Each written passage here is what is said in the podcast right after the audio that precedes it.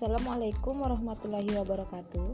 Perkenalkan, nama saya Ristanti, nomor induk mahasiswa D200400057, Fakultas Keguruan dan Ilmu Pendidikan Prodi PGSD.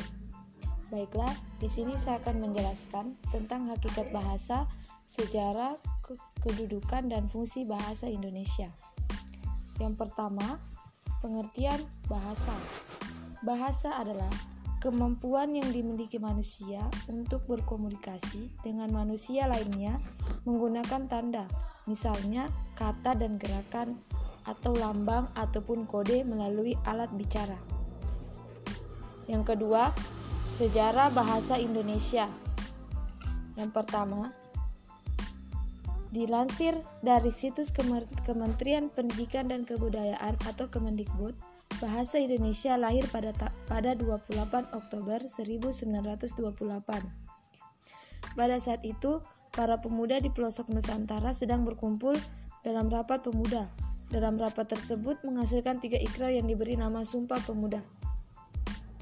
Tiga ikrar tersebut yakni bertumpah darah yang satu, tanah Indonesia, berbangsa yang satu, bangsa Indonesia, menjunjung bahasa persatuan bahasa Indonesia.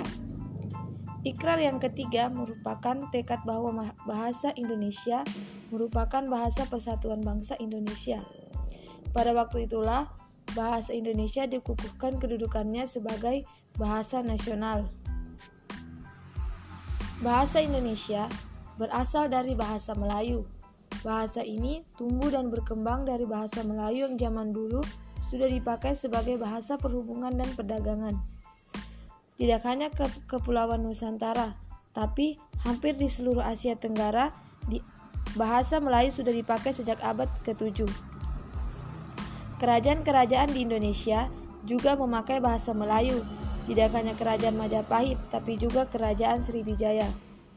Perkembangannya, bahasa Melayu mengalami perkembangan dan pertumbuhan yang pesat.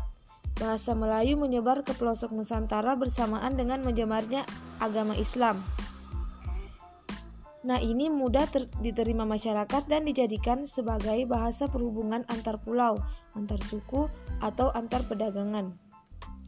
Lama-kelamaan, bahasa Melayu dipakai di wilayah Nusantara.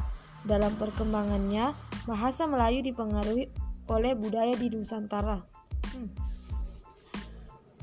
Bahasa Melayu mulai menyerap kosakata dari berbagai bahasa, seperti bahasa Sanskerta, bahasa Persia, bahasa Arab, dan bahasa-bahasa Eropa. Kemudian muncul berbagai variasi dan dialek dari bahasa Melayu. Ini mendorong tumbuhnya rasa persaudaraan dan persatuan bangsa Indonesia.